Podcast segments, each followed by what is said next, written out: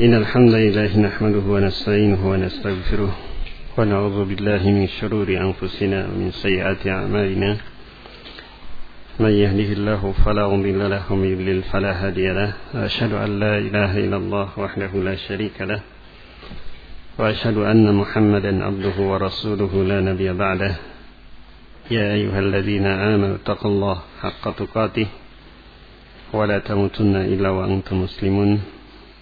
يا أيها الناس اتقوا ربكم الذي خلقكم من نفس واحدة وخلق منها زوجها وبث منهما رجالا كثيرا ونساء. واتقوا الله الذي تساءلون به والأرحام. إن الله كان عليكم رقيبا. يا أيها الذين آمنوا اتقوا الله وقولوا قولا سديدا يصلح لكم أعمالكم ويغفر لكم ذنوبكم. ومن يطع الله ورسوله فقد فاز فوزا عظيما. أما بعد فإن أصدق الحديث كتاب الله وخير الهدي هدي محمد صلى الله عليه وآله وسلم وشر الأمور محدثاتها فإن كل محدثة بدعة وكل بدعة ضلالة وكل ضلالة في النار بعد. Sebelum kita masuk membaca kitab kita yang baru Fathur Rahim Al-Wadud Ta'liq ada kitab sunnah min sunan al-imam Abi Dawud. Ada beberapa perkara yang perlu untuk disampaikan. Yang pertama insyaallah untuk pelajaran eh, Sabtu pagi setelah kita menamatkan kitab Tanbihat Al-Mukhtasarah. Kita akan melanjut membaca salah satu di antara karya Al-Imam Abdurrahman ibn Nasir As-Sa'di rahimahullah. Kitab Fathur Rahim Al-Malik Al-Allam fi ilmi al-aqaid wa tauhid wal akhlaq wal ahkam. Ya, kitab ini sebagaimana judulnya sudah menggambarkan kandungannya. Kita akan mempelajari hal-hal yang terkait dengan akidah sebagai pondasi dasar dari amalan-amalan kita. Demikian juga akan mempelajari tentang akhlak sebagai yang dibimbingkan di dalam syariat. Demikian juga terkait dengan hukum-hukum syar'i yang ada di dalam agama ini. Eh, untuk yang berminat, untuk ikhwah bisa pesan fotokopinya ke Al-Akh Zur'ah. Adapun untuk tulab ke Al-Akh Ridho. Eh, biayanya sekitar 30 ribu itu sudah hard cover. Baik. Sekitar 220 halaman. Itu kita. Kemudian yang kedua berkaitan dengan pembacaan fawaid maka hal yang perlu untuk diperhatikan bagi ikhwah yang hadir di masjid. Yang pertama tentunya terkait dengan anak-anak kita dan sampai pembacaan fawaid ini terganggu dengan sebab yakni keributan mereka. Ya sebagaimana yang mungkin terjadi tadi di luar di Serambi mereka bersuara yang sampai akhirnya apa yang disampaikan oleh imam dari hal-hal uh, yang disampaikan tidak terdengar dengan baik.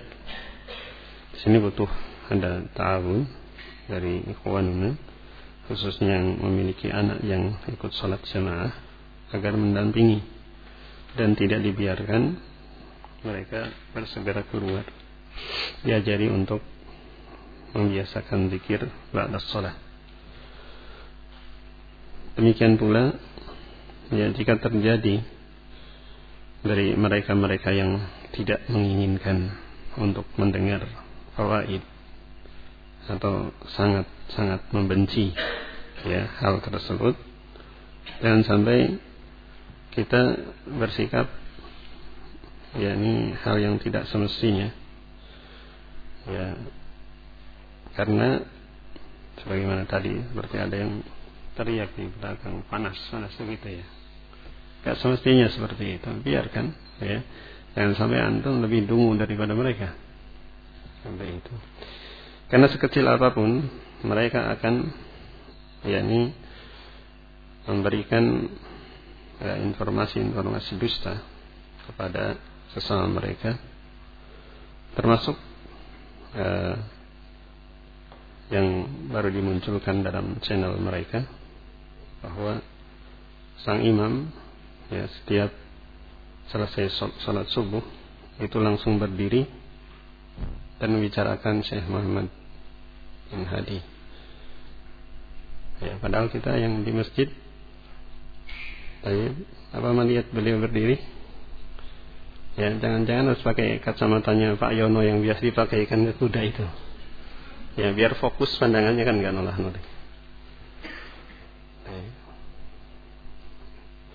Dan demikian juga dengan penggambaran-penggambaran yang lainnya yang istilahnya ada satu kebenaran tapi ditambahi dengan 100 kedustaan ya seperti siapa itu mustarikus sam ya.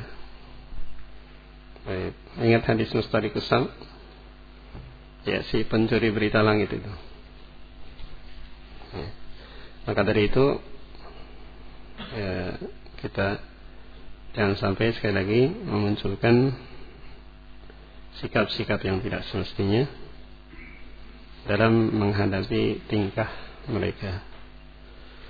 Ya semoga Allah Subhanahu wa taala memberikan hidayah kepada kita demikian pula kepada mereka. Karena sungguhnya ya sebagaimana perkataan Alim Syafi'i seandainya hidayah itu ya bisa dibeli ya beliau akan membeli sebanyak-banyaknya untuk dibagi-bagikan kepada manusia. Dan yang tentunya lebih penting dari itu semua ketika kita ya mendengarkan faid tersebut ya khususnya untuk diri, diri kita. Karena terkadang kita membaca sendiri indah.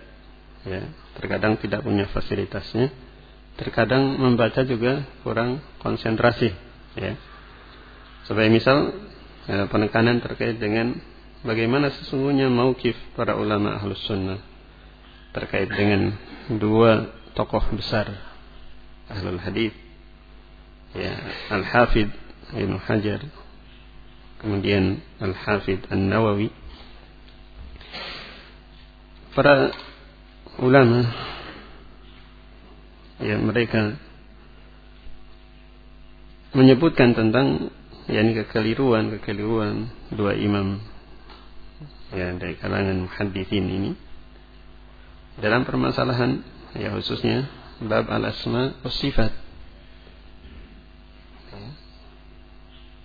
Tetapi mereka melihat bahwa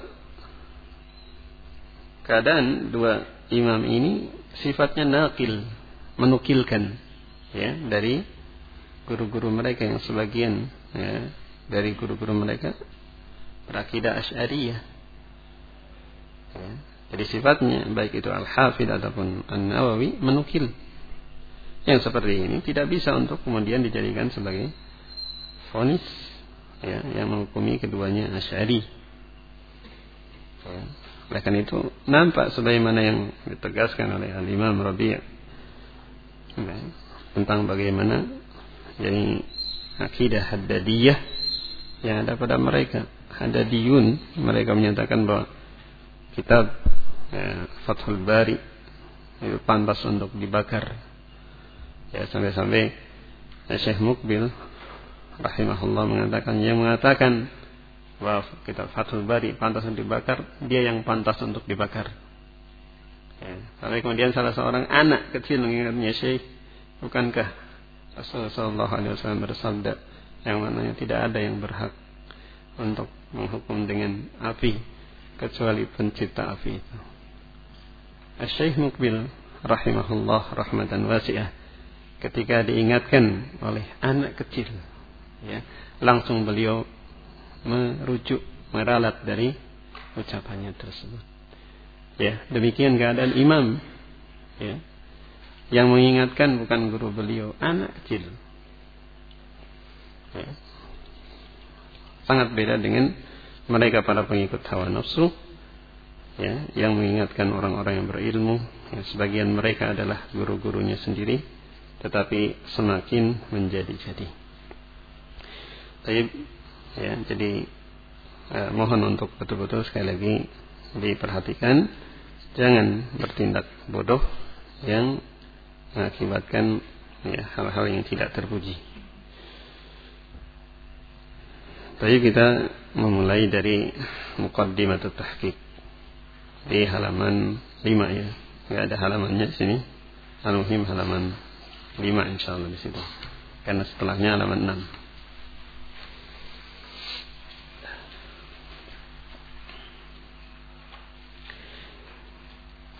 Baik, saya bacakan Bismillahirrahmanirrahim. إن الحمد لله نحمده ونستعينه ونستغفره ونعوذ بالله من شرور أنفسنا ومن سيئات أعمالنا. من يهده الله فلا مضل له ومن يضلل فلا هادي له. أشهد أن لا إله إلا الله وحده لا شريك له وأشهد أن محمدا عبده ورسوله.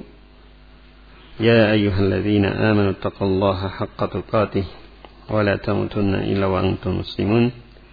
يا أيها الناس اتقوا ربكم الذي خلقكم من نفس واحدة وخلق منها زوجها وبث منهما رجالا كثيرا ونساء واتقوا الله الذي تساءلون به والأرحام. إن الله كان عليكم رقيبا. يا أيها الذين آمنوا اتقوا الله وقولوا قولا سديدا. يصلح لكم أعمالكم ويغفر لكم ذنوبكم. ومن يطع الله ورسوله فقد فاز فوزا عظيما أما بعد فإن أصدق الحديث كتاب الله وخير الهدي هدي محمد صلى الله عليه وسلم وشر الأمور محدثاتها وكل محدثة بدعة وكل بدعة ضلالة وكل ضلالة في النار وبعد apa yang dituliskan dalam mukaddimah tahqiq ini ma'ruf dengan istilah khutbatul hajah di mana Nabi sallallahu alaihi wasallam biasa mengucapkannya dalam khutbah-khutbah beliau. Dan ini juga termasuk yang disyariatkan di dalam yakni uh, akad ya sebuah pernikahan untuk dibacakan khutbatul hajah. Al-Imam Al-Albani rahimahullah beliau memiliki risalah yakni risalah khutbatul hajah yang beliau menegaskan tentang riwayat-riwayat yang sahih yang menunjukkan bahwa benar-benar Nabi Shallallahu Alaihi Wasallam ya, biasa menyampaikan ini pada uh, dari uh, pembicaraan-pembicaraan beliau. Kemudian Syekhul Islam Ibn Taimiyah rahimahullah beliau memiliki risalah yang berjudul Syarhu Khutbatil Hajah. Karena beliau rahimahullah mengurai kandungan-kandungan yang agung yang ada pada khutbah Nabi Shallallahu Alaihi Wasallam tersebut. Baik. Pada khutbatul hajah ini Nabi Shallallahu Alaihi Wasallam memulai dengan uh, pujian kepada Allah Subhanahu Wa Taala. Innal hamdalillah. Sesungguhnya alhamdu ini segala bentuk pujian kesempurnaan itu hanyalah lillah milik Allah Subhanahu wa taala. Kemudian nahmaduhu ya kami memujinya wa nasta'inuhu dan kami mohon pertolongan kepadanya. Ya sebagaimana kita ketahui bahwa apa saja yang bisa kita lakukan itu tidak lain kecuali dengan pertolongan dari Allah Subhanahu wa taala semata.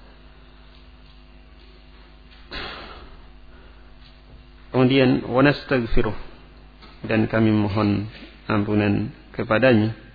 Ya, sebagaimana kita ketahui bahwa hal yang tidak mungkin luput dari Bani Adam yang terjatuh ke dalam kekeliruan, terjatuh ke dalam dosa, maka hal yang semestinya bagi kita semua untuk banyak-banyak beristighfar. Memohon ampun kepada Allah Subhanahu wa taala. Sebagaimana yang demikian dicontohkan oleh Nabi kita sallallahu alaihi wasallam seorang hamba yang Allah Subhanahu wa taala jaga untuk terjatuh ke dalam dosa. Beliau sallallahu alaihi wasallam ternyata mencontohkan kepada kita bagaimana beliau beristighfar. Dalam sehari semalam lebih dari 70 kali dan riwayat yang lain 100 kali. Apakah di antara kita biasa melazimi ini? Ya. Sepintas selalu mungkin wah gampang sedikit ya istighfar 100 kali. Apakah kita biasa melazimi ini? Ya. Maka masing-masing silakan menjawab sendiri. Wa na'udzu billahi min syururi anfusina wa min sayyiati a'malina. Dan kita berlindung kepada Allah dari kejelekan ataupun dari kejahatan jiwa-jiwa kita dan dari kejelekan amal-amal kita. Di sini Nabi Shallallahu Alaihi Wasallam mengajari kita untuk berlindung kepada Allah dari musuh yang ada dalam diri kita, yakni hawa-hawa nafsu kita yang senantiasa ammaratun bisu, ya betul-betul terus mengajak kepada kejelekan. Kita diperintahkan untuk berlindung kepada Allah Subhanahu wa taala. Diajari oleh Nabi untuk berlindung kepada Allah dari musuh yang ada di dalam. Ya sebelum kita ya memohon perlindungan dari musuh yang ada di luar yakni syaitan ya baik syaitan al-ins maupun syaitan al-jin. Wa min sayyiati a'malina. Demikian juga kita berlindung kepada Allah Subhanahu wa taala dari kejelekan amal-amal kita. Sebagaimana diketahui bahwa amal-amal yang jelek itu memiliki efek baik efek yang akan muncul di kehidupan dunia ini. Sebagaimana kita ketahui perbuatan jelek perbuatan dosa ya menjadi sebab munculnya dosa berikutnya jika seorang tidak berupaya untuk taubat kepada Allah Subhanahu wa taala. Demikian juga tentunya kita berlindung kepada Allah Subhanahu wa taala dari efek kejelekan dari amal-amal kita di akhirat karena tidaklah seseorang masuk ke dalam neraka kecuali karena dosa yang diperbuatnya. Kemudian Nabi sallallahu alaihi wasallam menyatakan may yahdihillahu fala mudhillalah wa may yudlil fala hadiyalah. Siapa pun yang Allah Subhanahu wa taala berikan petunjuk kepadanya fala mudhillalah maka tidak akan ada seorang pun yang bisa menyesatkannya dan sebaliknya siapa pun yang Allah Subhanahu wa taala sesatkan. Fala hadiyalah maka tidak ada yang akan bisa memberikan petunjuk kepadanya. Demikian hidayatul taufik ya, yang memegang urusannya hanyalah Allah Subhanahu wa taala. Siapa yang Allah Subhanahu wa taala berikan petunjuk walaupun seluruh hamba-hamba Allah Subhanahu wa taala bersatu padu untuk menyesatkannya, maka dia tidak akan bisa disesatkan. Dan sebaliknya, siapa yang Allah Subhanahu wa taala jadikan dia tersesat, maka tidak akan mampu makhluk walaupun bersatu padu untuk mereka bisa memberikan hidayah petunjuk, taufik kepada orang yang Allah Subhanahu wa taala sesatkan tersebut.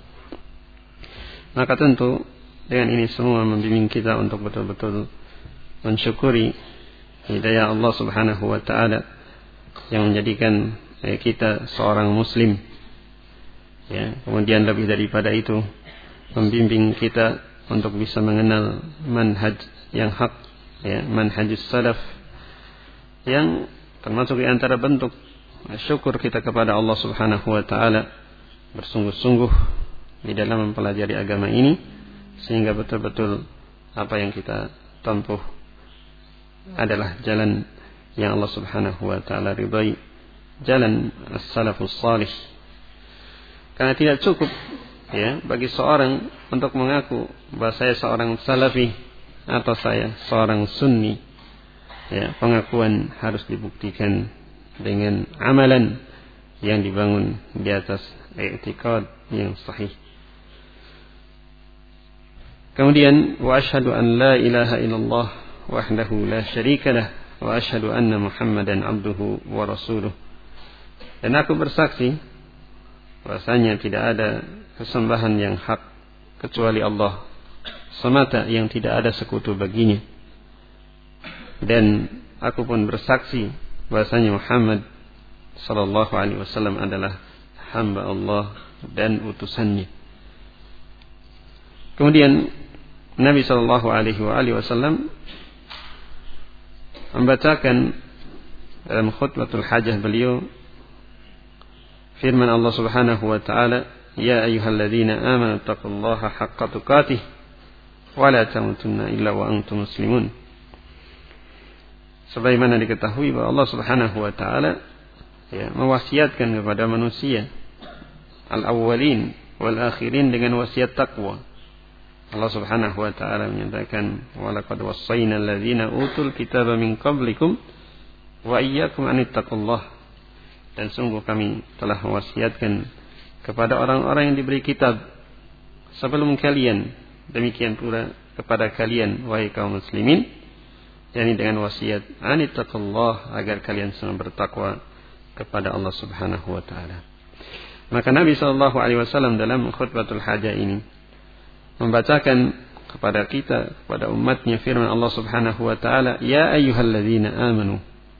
Wahai orang-orang yang beriman, yang tentunya siapa yang mengaku dirinya beriman kepada Allah Subhanahu wa taala merasa terpanggil dengan ayat ini dan betul-betul memperhatikan apa yang akan Allah Subhanahu wa taala perintah ataupun apa yang Allah Subhanahu wa taala larang setelahnya. Allah Subhanahu wa taala menyatakan ittaqullaha haqqa tuqatih. Bertakwalah kalian semua kepada Allah dengan sebenar-benar takwa. Allah Subhanahu wa taala telah menjelaskan hakikat dari bagaimana bertakwa kepada Allah Subhanahu wa taala dengan sebenar-benar ketakwaan pada firman-Nya yang lain fattaqullaha mastata'tum. Bertakwalah kalian semua kepada Allah mastata'tum sesuai dengan kadar kemampuan kalian. Yani seorang berupaya untuk betul-betul mencurahkan segenap kemampuannya untuk bertakwa kepada Allah Subhanahu wa taala. Apa yang dimaksud dengan takwa kepada Allah? Al-Imam Ibnu Katsir rahimahullahu taala rahmatan wasi'ah pada tafsir beliau ya tafsir Al-Qur'anil Azim atau ma'ruf dengan sebutan tafsir Ibn Katsir ya sebagaimana tafsir Al-Imam Sa'di ya Taisir Al-Karim Rahman. Ya ma'rufnya dengan penulisnya. Tafsir As-Sa'di. Ya. beliau menyebutkan ini membawakan kalam dari sahabiul jalil Ibnu Mas'ud radhiyallahu taala anhu. Ya tentang makna takwa ya kata Ibnu Mas'ud an yuta'a wa la yu'sa wa an yudhkara wa la yunsa wa an yushkara wa la yukfar wa makna itu meliputi tiga perkara. an yuta'a wa la yu'sa agar dia Allah Subhanahu wa taala ditaati. perintahnya dijalankan, larangannya dijauhi. Wala yu'sah dan jangan dimaksiati.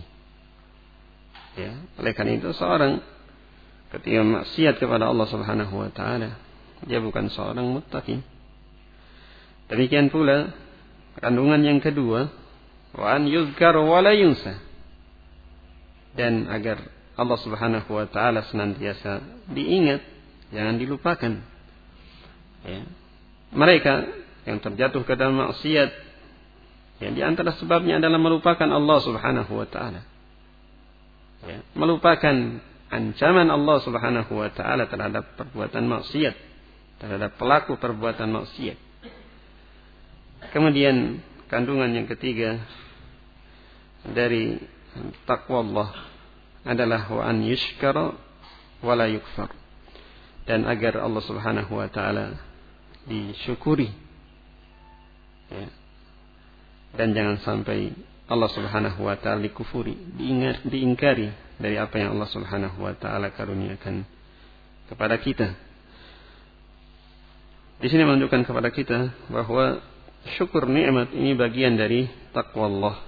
Dan untuk kita bisa mensyukuri nikmat Allah Subhanahu wa taala Nabi kita sallallahu alaihi wa alihi wasallam telah memberikan arahan bimbingan yang siapa saya berupaya untuk menjalaninya niscaya dia akan bisa menjadi hamba yang syakir hamba yang bersyukur kepada Allah Subhanahu wa taala kita ketahui bahwa ya satu sebab yang Allah Subhanahu wa taala jadikan pokok dijaganya kenikmatan yang Allah Subhanahu wa taala karuniakan kepada hamba tadi dan ditambahnya dengan kenikmatan-kenikmatan Allah yang lainnya adalah syukur.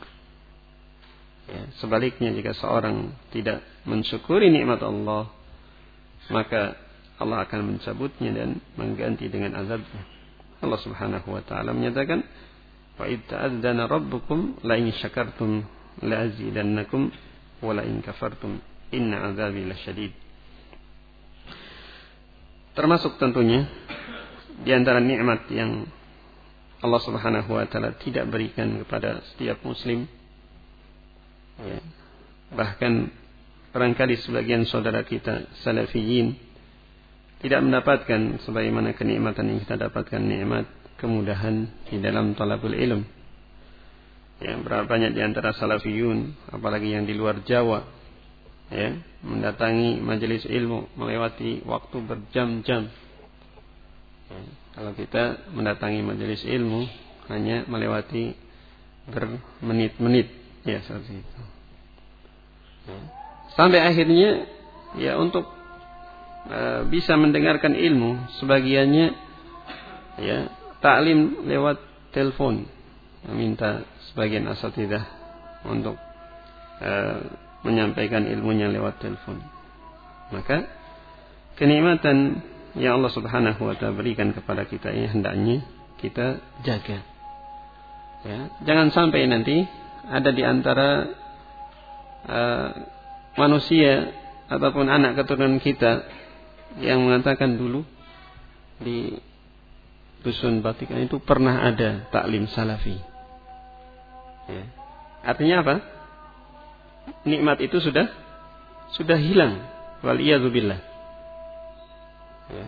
Maka hendaknya sekali lagi dijaga dengan sebaik-baiknya setiap kita memiliki ya, tanggung jawab untuk andil di dalam menjaga nikmat Allah Subhanahu wa taala ini. Kemudian wala tamutunna illa wa antum muslimun. Dan jangan sampai kalian wafat kecuali kalian dalam keadaan muslimun, dalam keadaan berislam. Ini puncak dari keislaman yang mampu kita tempuh. Sebagaimana perintah Allah Subhanahu wa taala untuk kita bertakwa kepadanya ya sesuai dengan kadar kemampuan kita. Dan di sini ya menunjukkan pentingnya untuk kita menjaga amalan. Ya, menjaga amalan.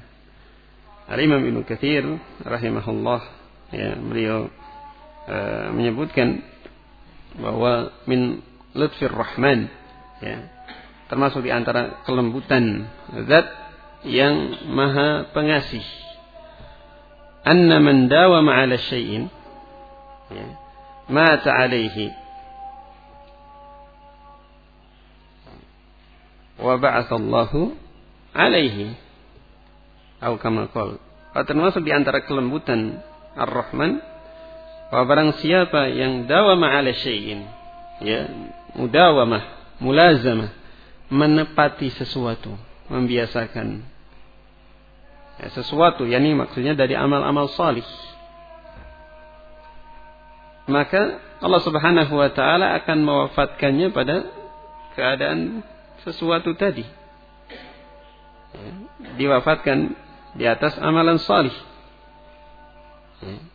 Dan nanti akan dibangkitkan juga di atas amalan salih tersebut.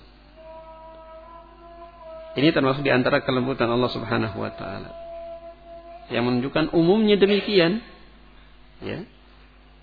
Meskipun kita mengetahui ya, berita dari Nabi Shallallahu alaihi wasallam juga sebagai ibrah bagi kita semua bahwa ada sebagian di antara manusia yang ternyata yang di akhir hidupnya berubah keadaannya.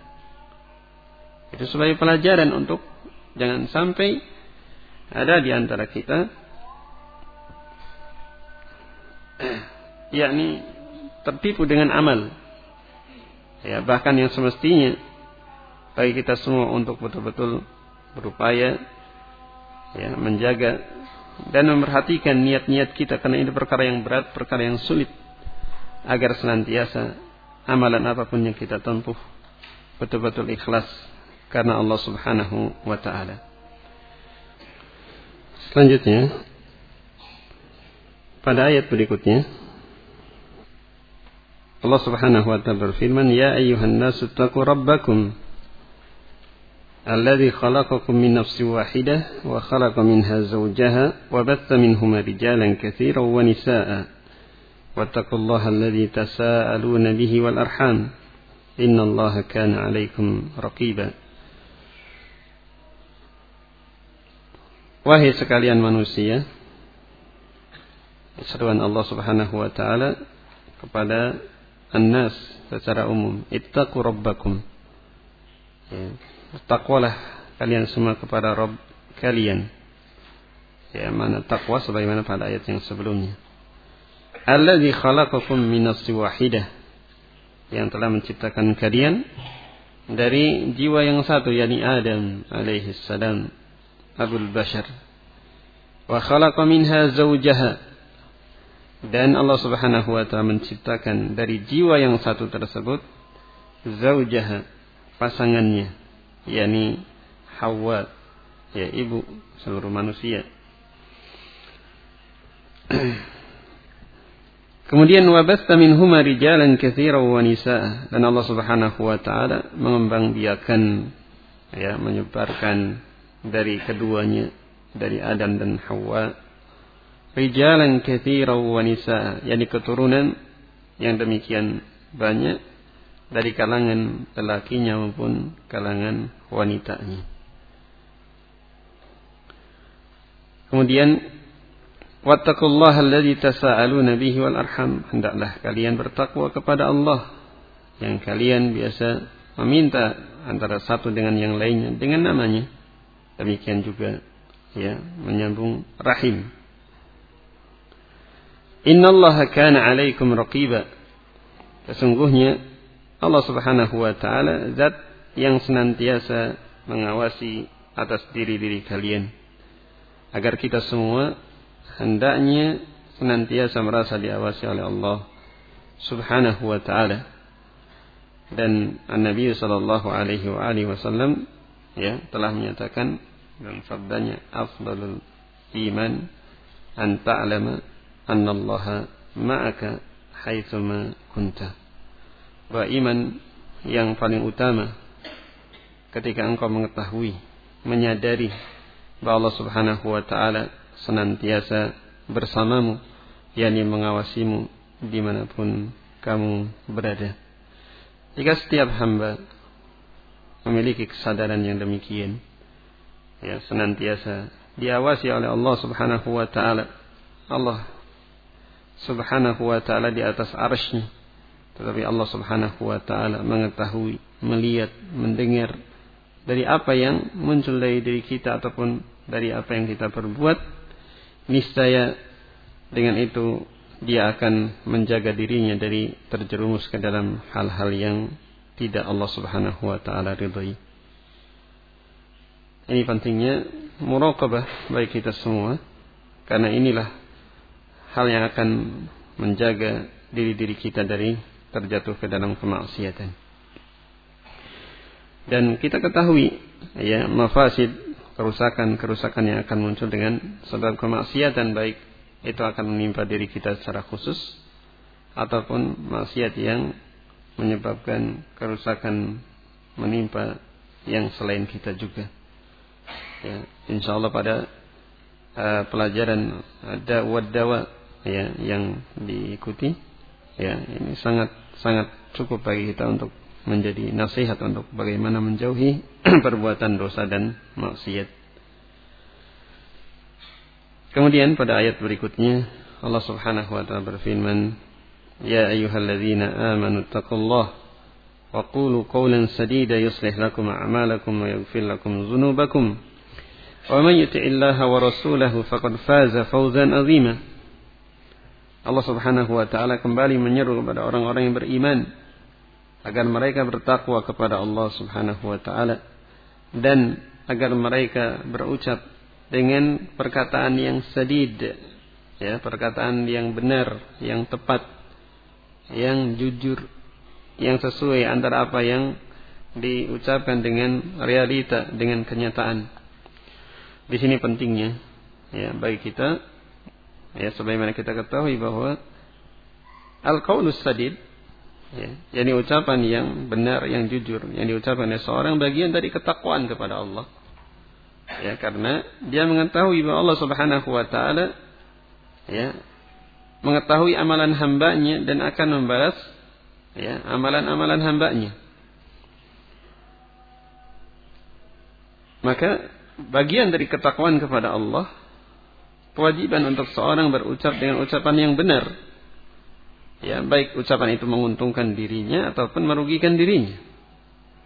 Ya terlebih ketika Allah Subhanahu wa taala memberitakan tentang buah dari seorang bertakwa kepada Allah dan buah dari seorang jujur di dalam ucapannya. Allah Subhanahu wa taala menyatakan yuslih lakum a'malakum niscaya Allah Subhanahu wa taala akan memperbaiki amal-amal kalian, membimbing kita ya untuk beramal dengan amalan yang benar, yang tepat sesuai dengan sunnah. Demikian juga membimbing kita ketika terjatuh ke dalam kesalahan, kekeliruan untuk bersegera rujuk, bertaubat, kembali ke jalan Allah Subhanahu wa taala. Dan rujuk ini sesuatu yang uh, mudah untuk diucapkan, ya tetapi berat di dalam pengamalan ya. mereka yang enggan untuk merujuk kepada kebenaran bukan tidak mengetahui mana yang benar tetapi di antara faktor terbesar yang menghalangi mereka untuk merujuk adalah malu ya untuk dikatakan sebagai pihak yang kalah gengsi untuk dikatakan sebagai pihak yang bersalah. Ya, semoga Allah Subhanahu wa taala menjauhkan kita dari penyakit-penyakit yang berbahaya tadi. Kemudian wa lakum dzunubakum. Ya, dengan sebab takwa kepada Allah dan dengan sebab senantiasa berupaya untuk berkata dengan perkataan yang benar, Allah Subhanahu wa taala akan mengampuni dosa-dosa kalian. Kemudian wa may yuti'illaha wa rasulah faqad faza fawzan azima. Siapa yang betul-betul berupaya untuk taat kepada Allah Subhanahu wa taala dan taat kepada rasulnya, maka sungguh dia meraih kesuksesan yang agung.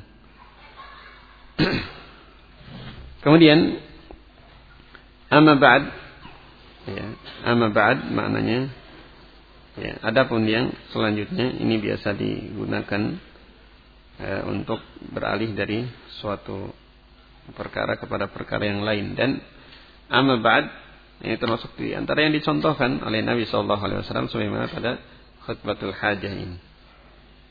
Fa inna asdaqal hadis kitabullah. Nabi menegaskan bahwa sungguhnya sebenar-benar hadis, sebenar-benar ucapan itu adalah kitabullah. Ya, Allah menyatakan wa man asdaqu minallahi haditha. Wa man asdaqu minallahi qila. Kemudian wa khairal hadi hadi Muhammadin sallallahu alaihi wasallam. Dan sebaik-baik petunjuk adalah petunjuk Nabi Muhammad sallallahu alaihi wa alihi wasallam.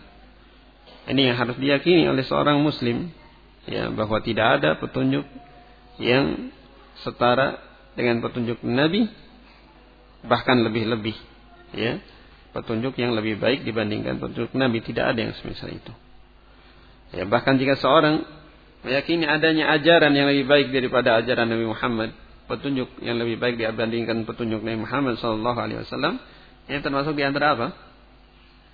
Nawakid al-Islam, ya, menjadi batal seorang dengan sebab ya keyakinannya tadi. Ya. Batal keislamannya dengan sebab meyakini ada petunjuk bimbingan agama yang lebih baik dibandingkan agama Nabi sallallahu alaihi wasallam. Kemudian wa syarrul umuri muhdatsatuha dan sejelek-jelek perkara di dalam urusan agama ini adalah muhdatsatuha. Ya, perkara yang muhdats, yang diada-adakan, yang tidak ada contoh bimbingan perintah dari Nabi sallallahu alaihi wasallam. Jadi kata Nabi ini sejelek-jelek perkara. Beliau telah memperingatkan dari perkara bid'ah sebelum munculnya kebidahan. Tidak ada bid'ah di masa Nabi Shallallahu Alaihi Wasallam. Ya, tetapi beliau sudah mengingatkan akan bahayanya perkara bid'ah. Ya, beliau memperingatkan ini. Kemudian pada kelanjutannya wa kullu muhdatsatin bid'ah. Bahwa setiap perkara yang baru dalam urusan agama ini adalah perkara bid'ah wa kullu bid'atin dhalalah dan setiap perkara yang bid'ah itu sesat wa kullu dhalalatin finnar dan setiap perkara yang sesat itu tempatnya di neraka. Demikian sebagaimana yang diulang-ulang oleh Nabi Shallallahu Alaihi Wasallam dalam khutbatul hajah beliau, sebagaimana pula dalam hadis Jabir yang diriwayatkan oleh Al Imam Muslim. Ini semua menunjukkan kepada kita tentang bahayanya amalan atau perkara bid'ah di dalam urusan agama ini, ya, di mana tidaklah seorang ya, bersemangat di dalam menempuh perkara yang uh, tidak disyariatkan, ini perkara bid'ah, kecuali dia akan semakin jauh dari sunnah Nabi Sallallahu Alaihi Wasallam dan dia terancam dengan ancaman neraka Allah Subhanahu wa taala. Wallahu taala alam insyaallah kita akan lanjut pada kesempatan berikutnya. Subhanaka bihamdik asyhadu an la ilaha illa anta